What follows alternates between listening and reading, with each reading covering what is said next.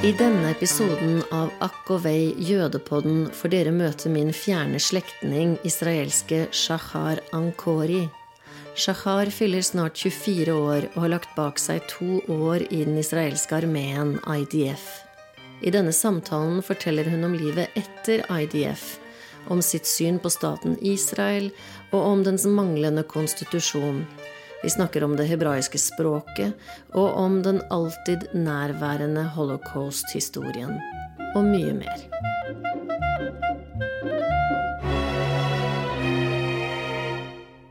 Hi, uh, my name is Shachar.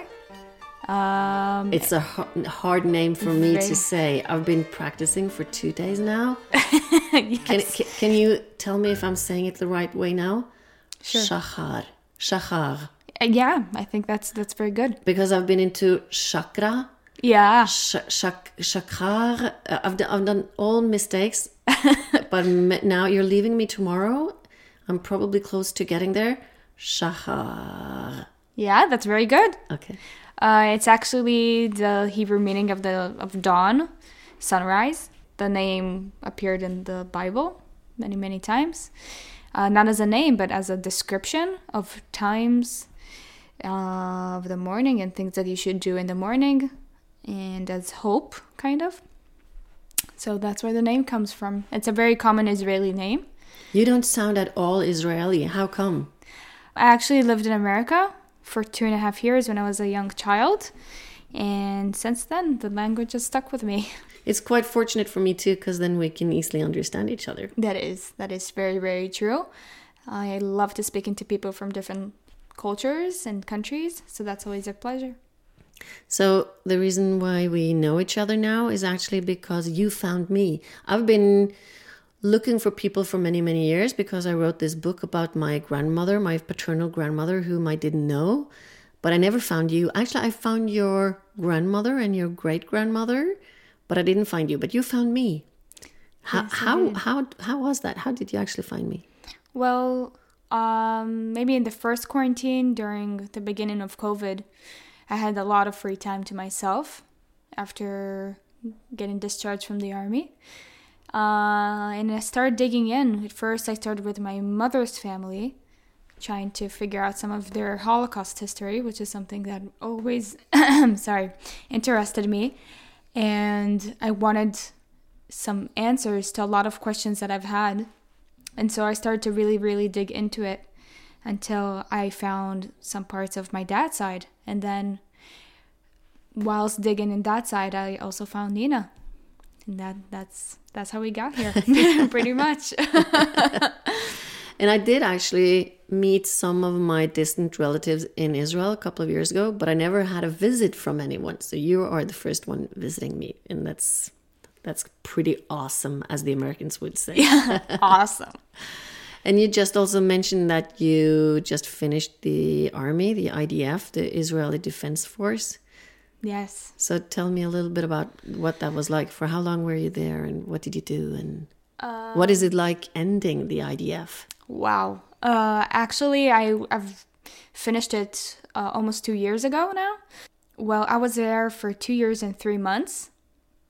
I started as a combat soldier in the search and rescue unit, which specializes in rescuing people from natural disasters like earthquakes and um, buildings collapsing in certain situations. And I started there and I kind of developed in that part. And it's actually very, very hard to get discharged from the army. It's not as easy as one would think. I mean, it's the, for the first time in your life, you're on your own, you don't have something that you have to do. It was also very difficult for me because I felt very, very meaningful in the IDF. I loved what I did. It was very, very difficult to go back to this emptiness, kind of. Why did you Why did you like to- it so much? I think it gave me a lot of meaning in my life. I felt very, very important. I felt like I was participating in protecting my my family, my friends, my I felt like I was doing something very that, that was bigger than myself.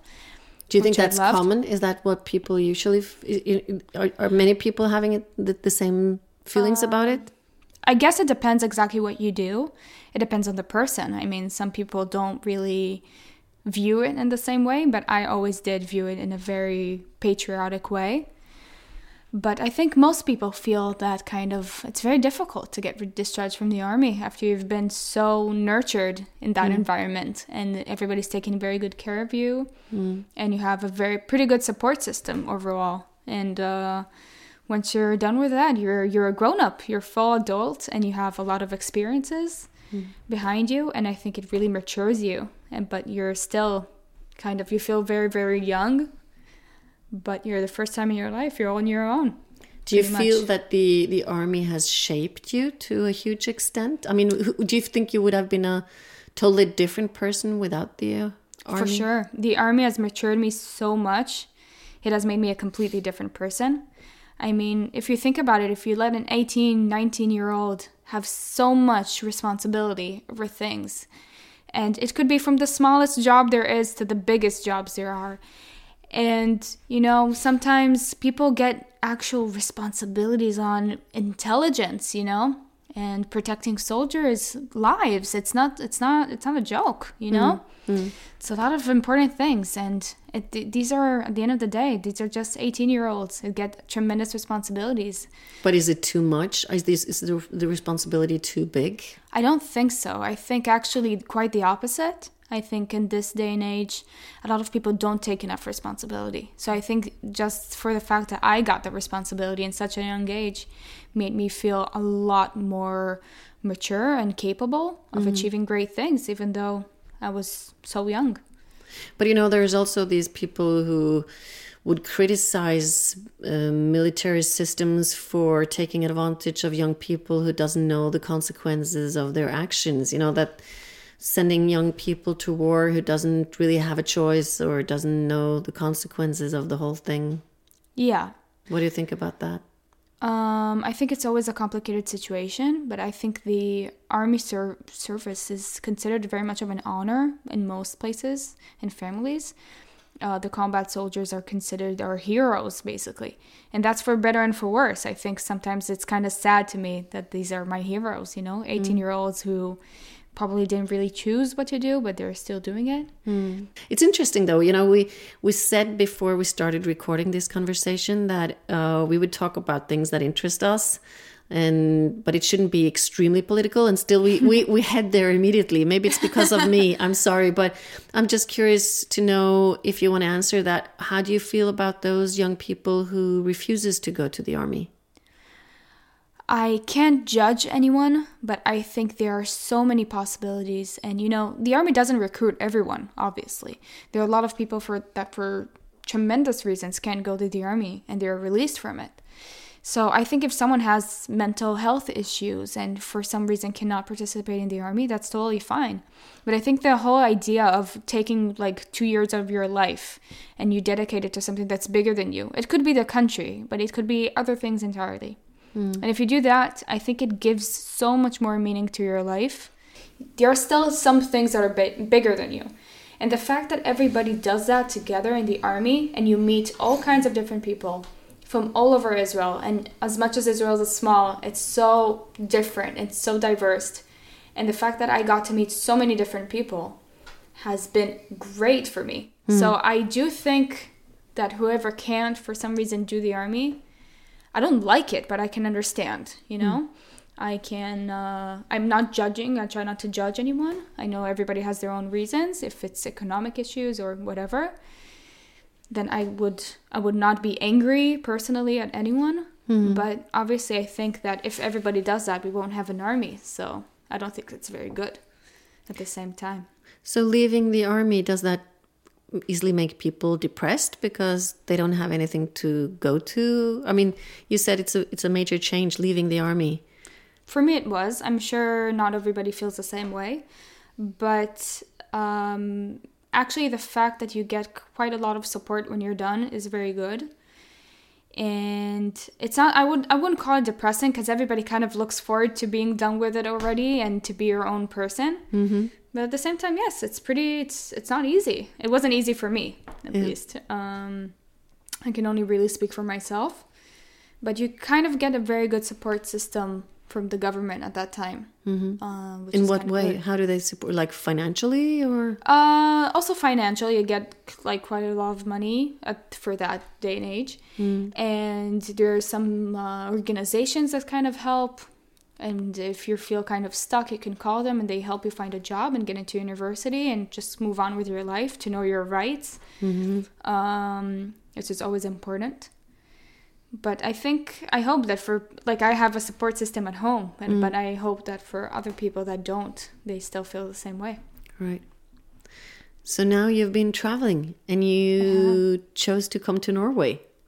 I have actually. Um, well, I've been traveling for little bits and bobs these past two years because of COVID, but now is my second big trip, as we call it. Once we're done with the army, we take a long trip abroad. So this is part two of my trip. Um, first, I was in Africa. I volunteered. Mm-hmm. Volunteered as what? We helped renovate a school, uh, which was in a terrible condition. We raised funds from Israel and abroad. Mm-hmm. And then we flew over there with our stuff and we brought some local workers that helped renovate it. Uh, an amazing school and was very, very great. Mm-hmm. And uh, yeah, so this is part two. So I'm kind of figuring it out. But I think now I'm at a time when I really want to collect as many experiences and cultures as I can. So Scandinavia always very much fascinated me. And also I just really wanted to see the northern lights and to see some whales up in the north. I said that would be a very good chance to see Norway. Yeah. And you did get to see the Northern Light and the whales. And I did. You went to Bergen and even took the Flåmsbanen. Yes, I did. It was a bit uh, small taste from everything that left uh, very uh, much curiosity for, for, for what's to come. And uh, yeah, it was it was amazing. And today, what did we do today? Wow, so today we went to the park to see the sculptures. Can you please tell me his name again? Gustav Vigeland, Vigeland. the Frogner Park. Park. Yes. Frognerparken. Yes, and we went up to the view to see the view mm-hmm. from the mountain. From Frognerseteren. Yeah, Frognerseteren. yeah, I can make that accent even if I really try. it's not in my. I can't do that. And then you tricked me into doing something I wasn't, I didn't know I would do. Yeah, so we went to the sauna, and then we dipped in a very, very, very cold water. Mm-hmm. It was amazing and very relaxing. I think I would try to adopt that into my life, maybe. But you won't find that coldness. As a Mediterranean woman, it was very, very hard for me to deal with a cold. but this entire trip was about dealing with a cold, which I was not used to. It was fun because I think you managed very, very well, but you you had pain in your feet. Yeah, In the I cold think water. my body is not used to that kind of cold. It's just not. it's just. Uh, But you did it. go all the way with your head and everything into Yeah. that cold water. I guess. So I'm I was impressed. So you are 23 years old. You're going to turn 24. You're exactly the age as my daughter, I am. whom we spoke to yesterday on FaceTime because she's not here in Oslo. She's a student abroad. Uh, so it good it's good to have you here in my daughter's room. she just left me and you came, and that's good. Uh, it's making good bridge in my life. Yeah. Today was January the 12th, the second Wednesday of 2022. And at 12 o'clock, we had the bomb alarm going. I'm not sure, but I think it's something like the f- second Wednesday of the new year or something like that. Every now and then we have the bomb alarm going, 12 o'clock in the middle of the day, just to check everything is fine. and it was a strange sound, and I didn't really react to it immediately. And then I was thinking about you sitting here in my living room and how that must be strange to you. So, what did you think when you heard the bomb alarm? Uh, I actually did not think it was a bomb alarm because I'm used to something way scarier. Uh, it was actually pretty mild and uh, serene, even. I think the bomb alarm in Israel has a very strong context of being very terrifying. I, What does it sound like in Israel? Well, it's pretty much an up and down uh, kind of sound. It's like ooh kind of thing. I remember one time I was sitting in my living room and I heard it and I got so scared and I just jumped and uh, it's it's something that kind of makes you react immediately. It's from such a young age where you know that's danger and you run and you take cover. But is it only being uh, you only hear it when there is an, a danger going on, or do you, is it also when you're practicing, like just for checking? Oh, they practice it pretty much every year or so, and maybe half a year. So yeah, you do hear it, but it's it's it, you can't help it. I mean, your heart races, your the, your body reacts even before you understand what's going on. You know that something's wrong. So yeah, it's it's always not not fun to hear it. how how many times have you heard it? wow, I can't even remember countless countless of times. So every year, every month. No, no, not something like that. But I've heard it pretty much a lot. I, of course, it depends if there is a war or something. Um, I remember going to the army and one time during one of the bigger operations in, in Gaza. I remember just getting stuck in the middle of the train because uh, there was a bomb going on. And uh, so, yeah, it's something that happens. Do you have a shelter in your home? Yes, of course. Every house has a shelter, pretty much. The oldest ones they stay at the uh, staircase, Mm-hmm. but pretty much every new home has a shelter inside. Uh, it's something that you have to. It's regulated. I mean, you have to have a bomb shelter in your And what, house. what defines a shelter room? What's special about that room? It's pretty much a bunker. It's made out of thick concrete. I'm not really sure how to explain it, but pretty much it's something that you can close with a steel door. And uh, it has like one window, but it's with glass that's like bomb proof. And uh, yeah, it's pretty small. It's very. And is it food in there? Uh, it depends on the families. I mean, some families keep food in there, some don't. It depends. You don't have to. Sometimes it's a bedroom, but you have to have it in a house. I mean, it's. Uh, And do everybody have a gas mask? No, you don't really have to. Um, there was a time maybe at when there was fear from uh, Saddam Hussein back then. I think it was 2005. Then we had like gas masks, but rarely we do. It's only at times of need then we take them out. Uh, but usually you don't because they're not nuclear. They're not anything. They're not chemical. Uh, it's just bombs. yeah. And also, we you to, you told me about that you have this alarm app and that you have these news apps. Tell me a little bit about your relation to your phone and what how Yeah. what part that plays in your life. most of the people I know would have uh, a news app on their phone that's always on and it always says what's going on within the Israeli people. it could be political, it could be I think most most teenagers and most young adults in Israel are very very much aware politically, more than I've seen in any other country, to be mm. honest. Mm. They are pretty sure what their political stance is and they're pretty sure what they believe in. So yeah, it's it's also a survival defense thing, but I think it's also about po- politics. So that's the news app. I think everyone has it pretty much, except the people that are completely oblivion to it. But on the other hand, yeah, the the bomb alarm app, I actually don't have it. I deleted it recently because it just kind of scared me. but yeah, it's something that I would get when there is a huge uh, operation coming. And so I would download it to see what's going on in the country, to be involved. It's something of solidarity, but it's also just so you know, like if I'm staying in my house, my house is like maybe four hours away from Gaza, maybe less even, like two and no, it's actually like two and a half hours, I think, uh, from the northest part of Gaza. And so I wouldn't be, I would probably stay clear of the, all the drama, but you know, it, they could Mm. technically. So, yeah, so just to know what's going on, if it's near my house, if it's near my friends, it's pretty much to stay aware.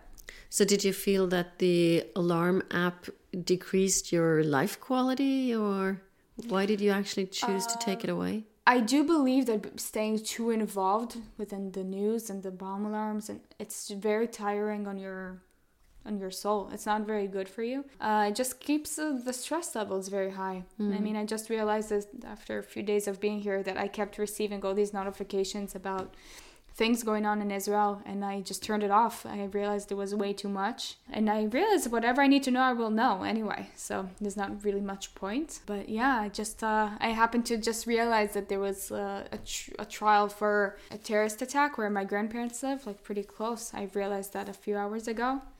And uh, I didn't know about it. And that's when, you know, you realize you kind of need those apps.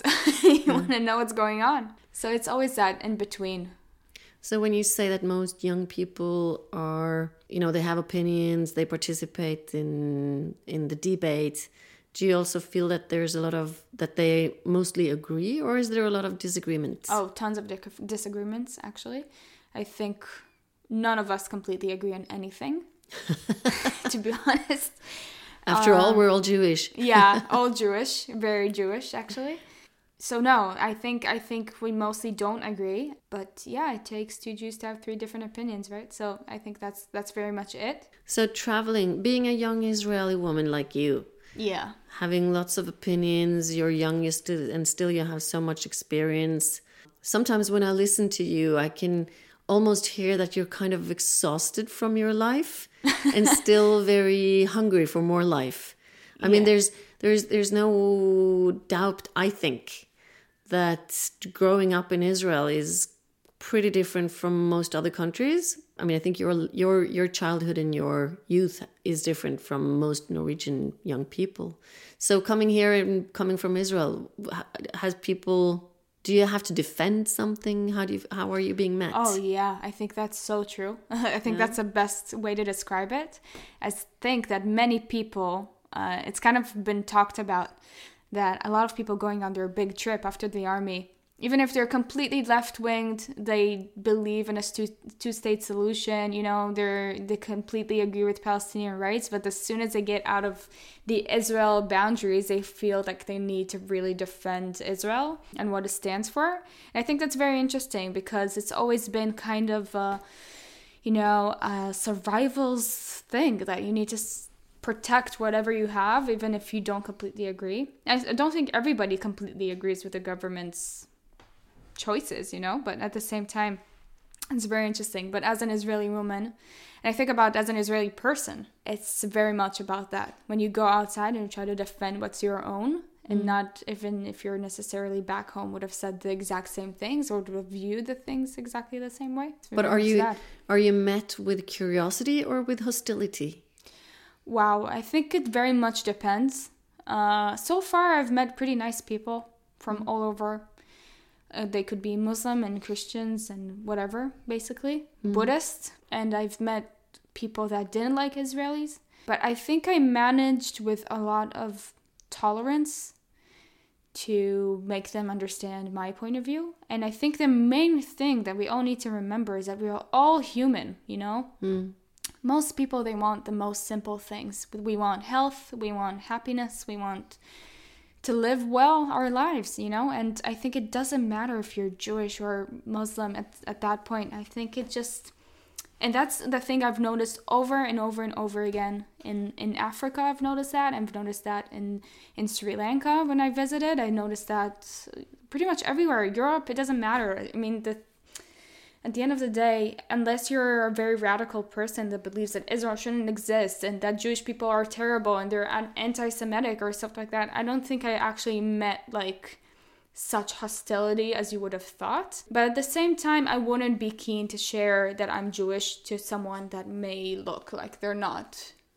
very nice. Mm-hmm. Let's just put it that way. Mm-hmm. So I think it's always like that. Some people would rather not say that they're from Israel. Mm. They would rather stay out of the conflicts. But I think that's a mistake. And I think I should not need to apologize for the fact that I'm Israeli or Jewish. If anyone has something to say, then they're more than welcome to talk to me about it and to make an agreement. It's kind of funny, but someone one maybe a year ago told me that it's kind of weird how in Israel you're kind of groomed to go to the army since a very very young age. I mean, from your since the time you're around 16 or even before, you start getting into the tests before the army so they can decide your job and what your preferences are. So from that pretty much even before you work out to get to the army to a good position if you want to be super combat and uh, you know uh, Shayetet 13, as we call that, which is the commando. Um, is that the most prestigious? There are few. There are few. so you ones. were had a prestigious position in the army when you were there. No, I didn't have such a prestigious position. But you said you were like in the combat thing. Yeah, but it's like okay, so it's very it's very complicated to explain. But some units are very special units. It's, Okay. uh, maybe uh, they're not very popular because it's very hard to get in. But doesn't that make it popular if it's hard to come in? Isn't that kind of elitistic within the army system? Well, obviously there are units that are considered better than other others for sure. So intelligence units are considered very very good. They're not combat usually. They're considered like if you're very smart and technological and you know you're good with computers or languages and you go there and you come out with a great job afterwards. So it's very very valued. Um, you could be combat, you could be like a regular combat soldier, you could be a special units, which is also very good. So what I did is kind of uh, an in between. I wasn't actually combat in the end because I had I have a back injury from the army. Yeah, so it's kind of like a mix between being a combat soldier and search and rescue, which I think in itself is a very interesting point of view because in one hand you're kind of obviously it's both protecting, right? But I think in one hand you could take a life, and the other you're obviously rescuing people. I think being in that situation is very very interesting on its own. And like why would you rescue like how does that live together? And i think it's i think that's exactly it. It's realizing that it's not just about killing people. It's not about that being combat. It's about protecting.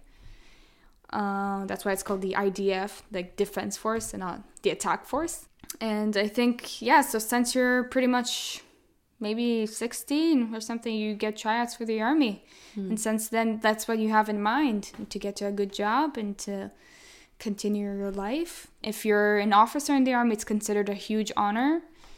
And it's considered like you would be maybe better like the high quality kind of thing. So, because you started out saying that from an early childhood you're groomed into this. Very much. So, grooming like that, isn't that close to brainwashing? obviously. I mean yes I, I had a time when i was very very critical about that and i think israel is sometimes way too militaristic for me. But at the same time i think there's so much good to it. But i yes i I'm, i completely understand. I don't really have anything to say about that except obviously sometimes i would wonder if i didn't live in a country like that what would i think it's very very difficult on one hand but at the same time it's also very uh, it's very interesting to live in a country like that So, I was actually wondering, you as a young Israeli Jewish woman, of course, how do you look upon Jews in Europe and in the United States? I think they are very important to how Israel is viewed. And I think it's very, very good that we have Jewish people living outside of Israel. I think if Israel remains very closed with all Jews and no Jews living abroad, it's not good. Because I think once you meet local people and you represent different opinions, I think in bringing sometimes the Israeli point of view and the Jewish point of view, it's so important to understanding each other. Yeah, obviously, I would want everyone to have a connection to Israel. Uh, if people want to move to Israel, I think that's amazing on its own. But I also very much value them for living abroad and still keeping their Jewish identity and relations to Israel. So, what would I never actually had that thought experience? What would happen to Judaism if all Jews in the world lived in Israel? I mean, it would be very crowded, of course, in Israel. Very much. About half of the world's Jews today lives in Israel, and many lives in America, and then there are some other Jews spread around the world, but most of them are in the States and in in Israel. It's it's interesting with those figures because you know before the war there were about 12 million Jews in Europe, and half of them were killed. Yeah. And today there are a little bit more than 1 million.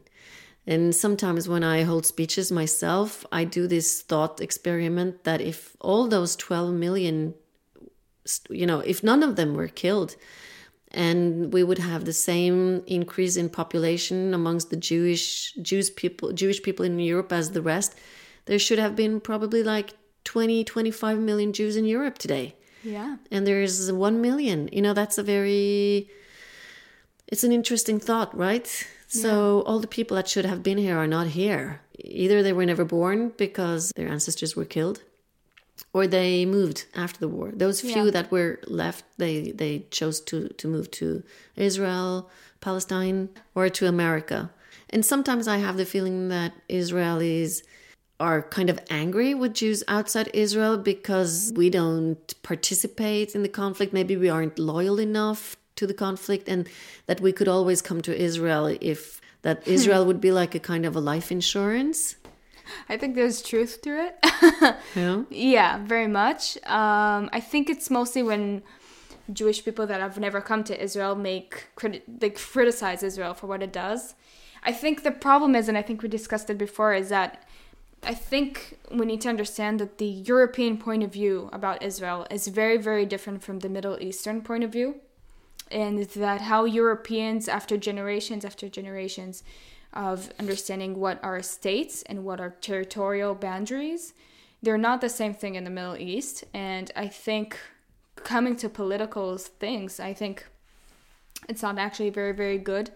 And so that's highly criticized within the Israeli population if they hear someone criticize that without actually being here and understanding the inner politics and how complicated it is and how the lifelong is. I mean, I see, you know, Arab people every day, you know, and sometimes would say, yeah, you put them and you cause apartheid. And so at the end of the day, we experience things very differently. If they stand with Israel, then it would have been completely great. But if mm. they don't, then that's very criticized.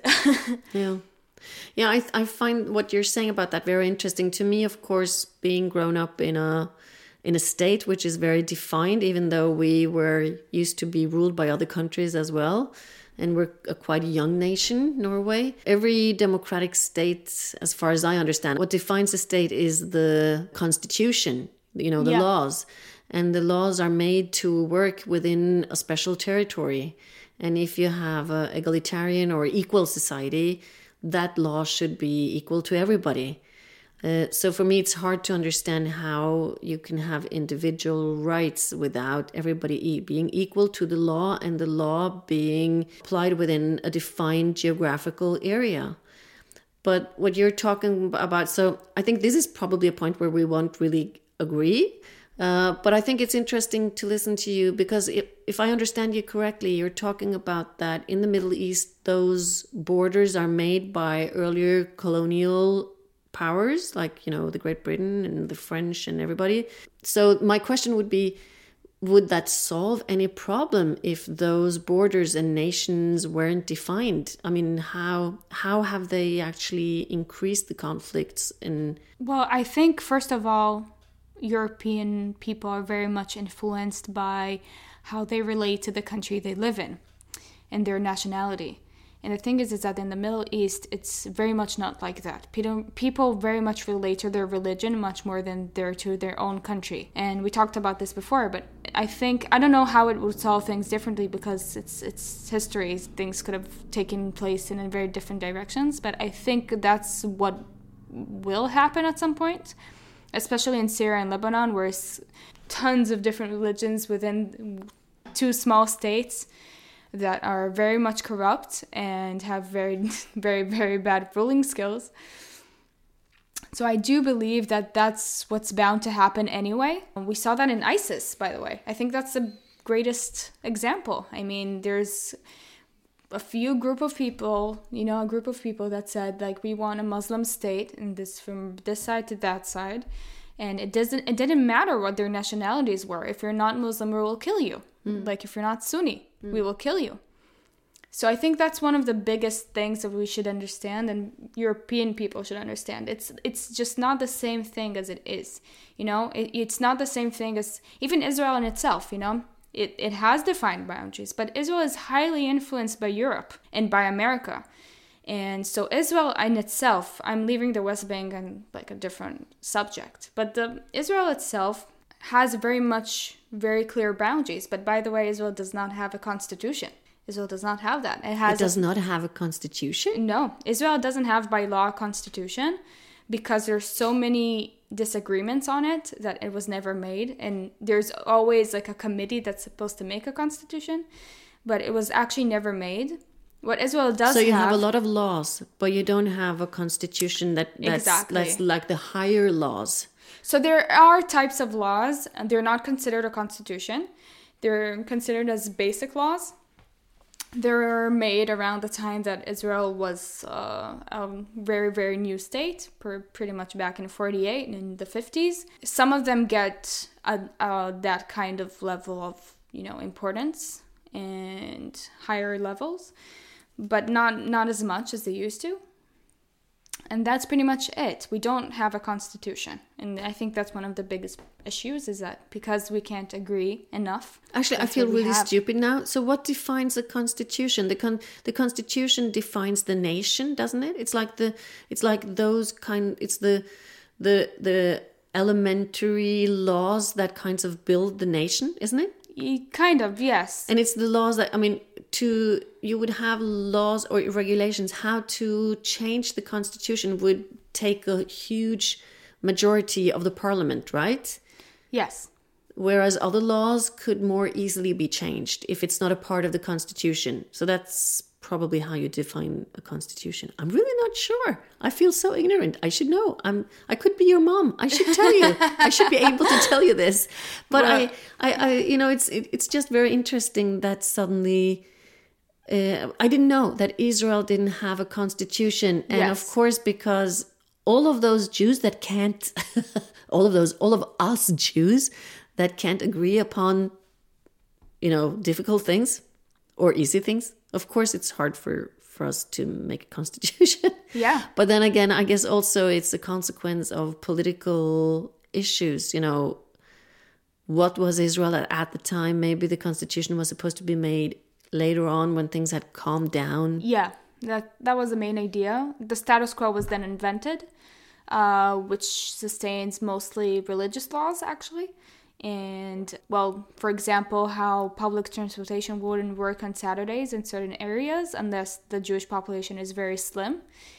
Doesn't just to calm down the ultra orthodox people that really they don't want the public transportation to work. So that's just an example. Or the status of the um, marriage laws are very much influenced by jewish laws but that's family law. I mean, that wouldn't be a part of the constitution in Norway either, but the constitution would regulate who can vote.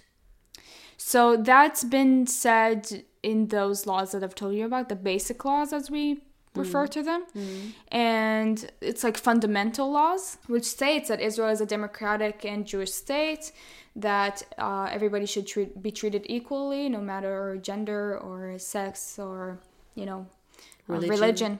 Actually, that makes me think about something else we talked about today. Yeah. Which is linguistics. Because we talked about the woke thing, you know, and all the gender issues were, which has been, you know, on the agenda for many, many years already. And Tel Aviv is one, is probably the only city in the Middle East where you can be freely gay. Uh, at least to a much much higher extent than any any other country or or probably city in the Middle East, as I just said. So, and then we were talking about, or you were focusing on the problems in the Hebrew, the Ivrit, the Hebrew language, uh, when it comes to gender issues. So, tell me yeah. a little bit about that. That was so interesting. Well, so the Hebrew language is pretty much con- it's constructed by female and male linguists. So you would talk to a female or a male in a different way and everything is fem- masculine or feminine. So let's say a table is shulchan and a shulchan is um, masculine. So you would refer to it in a masculine way. So in that sense if someone is gender non-binary it's very difficult to find a way to speak to them in a way that doesn't offend them because there's pretty much no such thing. It hasn't been invented yet. So what actually people suggested is sometimes refer to them as female and sometimes as male Uh, to maybe ease it off a bit, but it's very, very, very difficult because the Israeli language, the Hebrew language, is not built in that way. And then you try to try at the plural way to talk to people yeah. that doesn't have a defined gender in a plural version, but that is not possible either because yeah, because the plural version also has masculinity and femininity, so it's it's very very hard to d- differentize that. Yeah. And what has this resulted within in the Israeli debates? I mean, I think it's quite new within the Israeli debate. I think the funny thing is is that everything arrives to Israel at some point, but it's very many years after it started in the US, for example. So if the Me Too movement started it was talked about in Israel, but it hasn't really gotten that much high until maybe 2 years ago or something like that when it actually started to be more talked about. So I don't think it has really reached its full extension in Israel yet but I think it will mm-hmm. with at some point, maybe in two years or so. And that would be a very interesting discussion because I don't see quite a solution to it, the problem unless we invent something completely new in your language. Yeah, yeah, and language is important because it it influences how we think in in a way who we are. Yeah, very much. I'm sure it's very difficult for people that see themselves as non-binary. Yeah. I think they would need to. it's very very hard to live in Israel if you're non-binary. Yeah. The language is so. It's in depth, de- deeply like differentiated between male and female. We also have masculine, feminine, and then we have something which is uh, intetkjønn, which is neither. Oh, that's good. Yeah. And then what we have done, I don't know if people like it or not, but we have he and she. And then in Norwegian, that's han and hun. And then we have made hen, which oh. is neither, which is something, you know, transgender or non binary or, yeah. Probably people with the gender crossing issues has been there since the morning, but they haven't been acknowledged the way they are today. Yeah. So this is uh, it's yeah it's new issues and it's it's a challenge to do that within an old language. Yeah, I guess so. And I think it's I I don't think I don't view it as in the same way as maybe gay people. I think it's not actually as old. Uh, the gender neutral thing. I think it's actually pretty new because as you can see, even evolutionarily, they had to be like female or male. You know in order to reproduce and make children. But actually, gay people were in animals even. And it was very, very old. So I think the whole idea of gender neutral thing, I think that's actually pretty new. I don't think it's like being gay. If you don't have a defined gender, how are you met in the IDF? Well, first of all, we have a lot of transgenders that are now reintroduced to the army. Uh, for a long time, I don't think they were able to serve and now they can also in combat positions, which is very very good in my opinion. So I think I know now that they do have different. Uh, they sleep in different rooms. They have their own room. Uh, I know they have different uh, just private showers, uh, just so they would feel more comfortable around other people. Um, but yeah, gay people serve in the army just like everyone else, you know, and uh, now so do transgenders. So I think that's very, very good. Mm. It's usually people that have not gone through the entire process and then like they view themselves emotionally as one gender, but sometimes physically they look still like their their old gender. So uh, just just just to not create this discomfort for them to be sh- because you know when you shower in the army you shower with everybody mm. So I think just to limit that point of embarrassment for them, they would get their own time. Mm-hmm. I know because my boyfriend had like three uh, transgender soldiers under him. He was in charge for them, and I know that from him that they had their special time and they were treated with a lot of respect. That's what I know. Okay, good, good to hear. Yeah. Yeah, I'm pretty amazed, I must say, how I'm sure there's a lot of conflicts every as everywhere else. It's probably conflicts in the IDF and especially I know there is in the Israeli society. I mean, it's uh, highly dramatic all the time. Uh, you live yeah. in a dramatic world. Um, it is, and I think sometimes that's why we take so many trips abroad to kind of chill from mm. all of that. And I think it's also a thing where you don't want to meet Israelis abroad sometimes. Uh, I haven't met any Israeli since I came here, which was the strangest thing because usually you do. And I thought I would be quite happy about it. I thought it would be a refreshment, but it actually was very hard to mm. not see any Israeli. Why? Well, it's it's kind of funny, but it's kind of your home away from home kind of thing where you see someone that's that gets you. It's kind of like what you said about being with Jewish friends Right. They understand you. They know what you've gone through. and it's always a conversation about oh where where are you from oh i know that person and they know you're like you you always have something in common especially in a state so small as israel mm. and it's always about like where where you were you in the army oh yeah i know that person or i mean we i think we both agree upon that there are no country in the world that has the diversity that israel does which yeah. makes it is, is one of the reasons why it, it, makes it one of the most interesting countries in the world as well. I think anthropologically speaking, I'm sure, mm. and I would love to know what it, what it would look like maybe in a hundred years or so.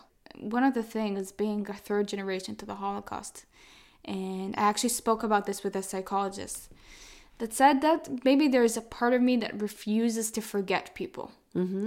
because I'm very, very scared of, of being forgotten in my life. I think because, you know, so many of my, my grandma's family have disappeared and no one knew of them or what they loved to do and what was their nickname or how they even looked like. I was so excited to see how my great grandmother looked like. It was so impressive to me that I could actually look at her picture. That's like she's me at this at, at some level, you know she's me. Yeah. I'm her, you know? We share the same DNA. That's that's just it's mind-blowing to me. And I think because of the Holocaust, you know, they say that some traumas pass through generations, and actually, third generation to the Holocaust suffer from a lot of traumas because of the Holocaust, even they didn't actually go through anything at all. I think that's what got me into genealogy in the first place, and that curiosity of wanting to know, even though I was told that we shouldn't dwell in them those things because they're sad. And yeah, why am I so young and doing this? I'm kind of a heavy soul, I think. I have a lot of thinking in my mind, and uh, I think about a lot of things and I think that's what kind of started it. Just the seeing and realizing, and it's kind of like a puzzle that you put together, and yeah. that's always so interesting. Yeah. I don't think you're a heavy soul. I think you're a serious soul. Very much so. And I know that you would like to go to law school, and um, I would. Yeah you're a young woman you're you have a lot of experiences that norwegians don't have old or young. You amaze me you know with your you. knowledge your analysis your your thoughts. Uh, we differ probably in some for sure. some places but it's been, it's been so help so teaching for me to talk to you. And i think when you know i share the genealogy interest of course i do. I even wrote a book about my my unknown grandmother who was the sister of your great great grandmother or something. Yeah. There's a generation jump here between your family and my family. And yesterday we went through old files that I found through my research and I've shared them with you. And you saw probably for the first time the picture of uh, Josef Heller, Chaim Josef Heller. Yeah. What was that like? I mean, for some reason, maybe because uh, actually my great grandmother moved to Israel and she died in Israel, so I had a bit more of a connection to her, whilst he died in Belgium, and I've never heard of him.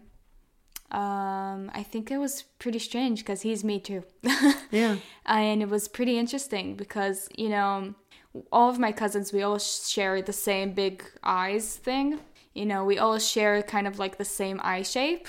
Mm. And I always thought it was from my grandpa's side, the Tunisian one, because I'm one quarter Tunisian. I always thought it was from that side. But then when I saw pictures of Margaret, my great grandmother, I was like, wait, maybe it's from her actually, which is kind of it's amazing. I mean, I'm a bit of Polish, I'm Slovakian. Like, whoa, what's that like? I'm Tunisian, I'm Israeli. And I think trying to connect all these parts of me and realizing I'm neither, but I'm also all of them at the same time. But you're, I mean, I'm the generation before you. And sometimes when I hold my lectures, I will try to explain to Norwegian people. I will use a word which is a very humiliating or a bad word. But sometimes I feel I need to use that word in order to define myself. And I try to explain to them what it's like being a Holocaust junkie.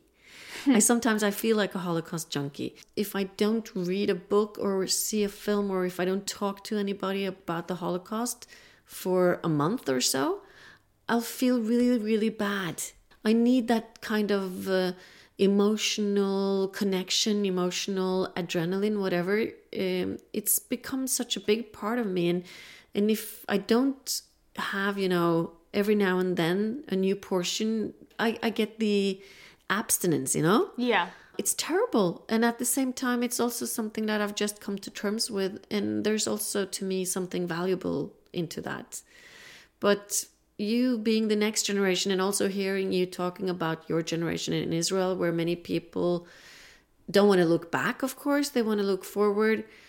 And and still though also the Holocaust is still so important for the state of Israel and the identity of the country and the narrative of the country. So okay, your thoughts, I guess I'm asking your thoughts about the interest of the Holocaust, the genealogy, how important is that to the future of Israel?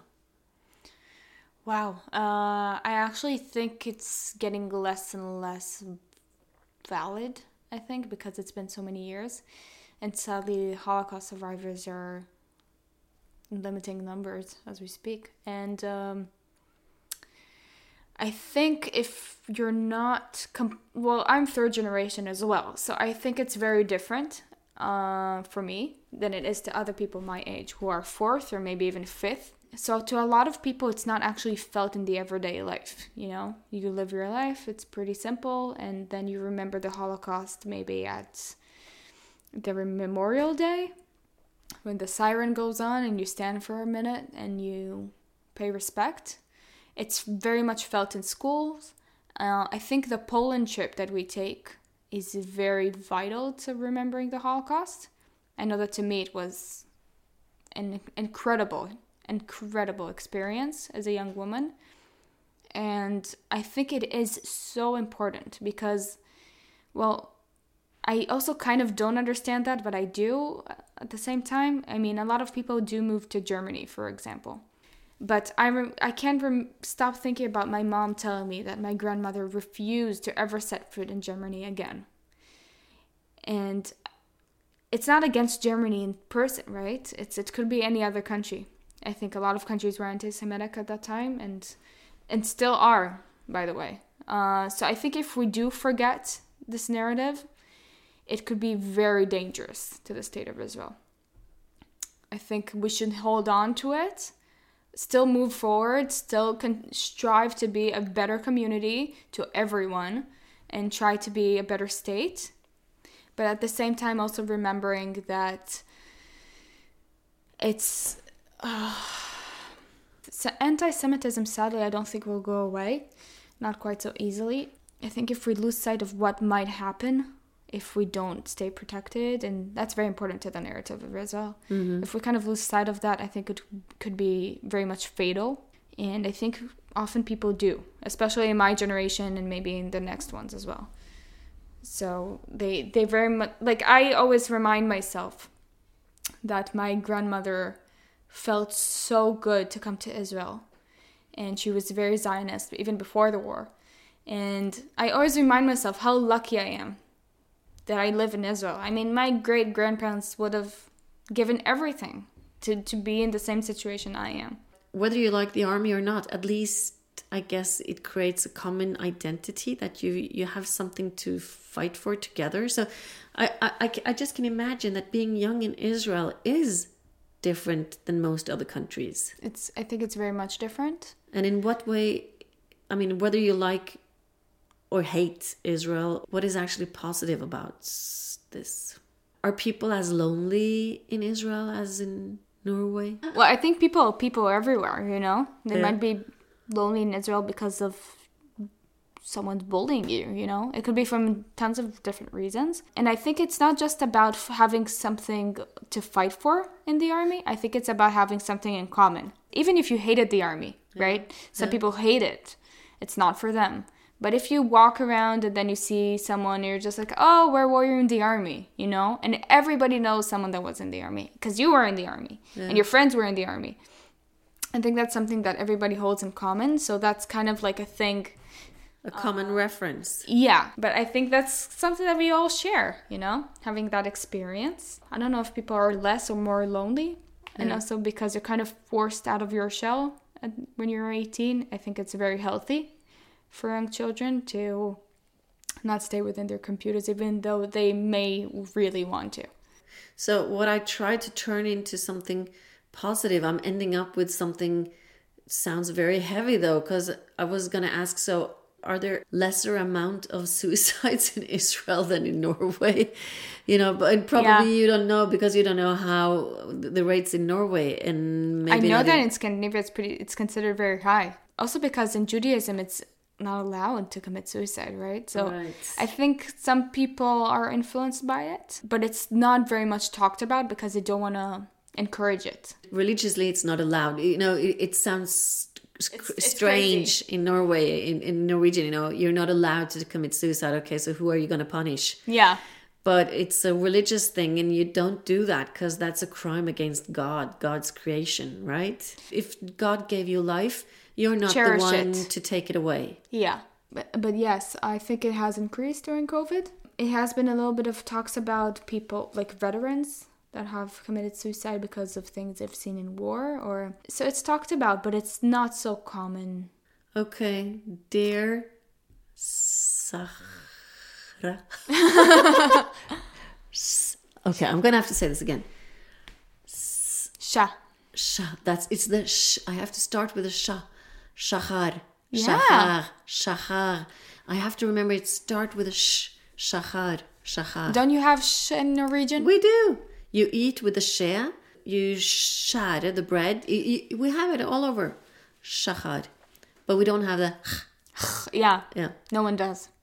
So dear Shachar, tomorrow you go back home to Israel. I do. What will be the first thing you do when you come home? Probably just hug my mom, my dog, And you'll be back, won't you?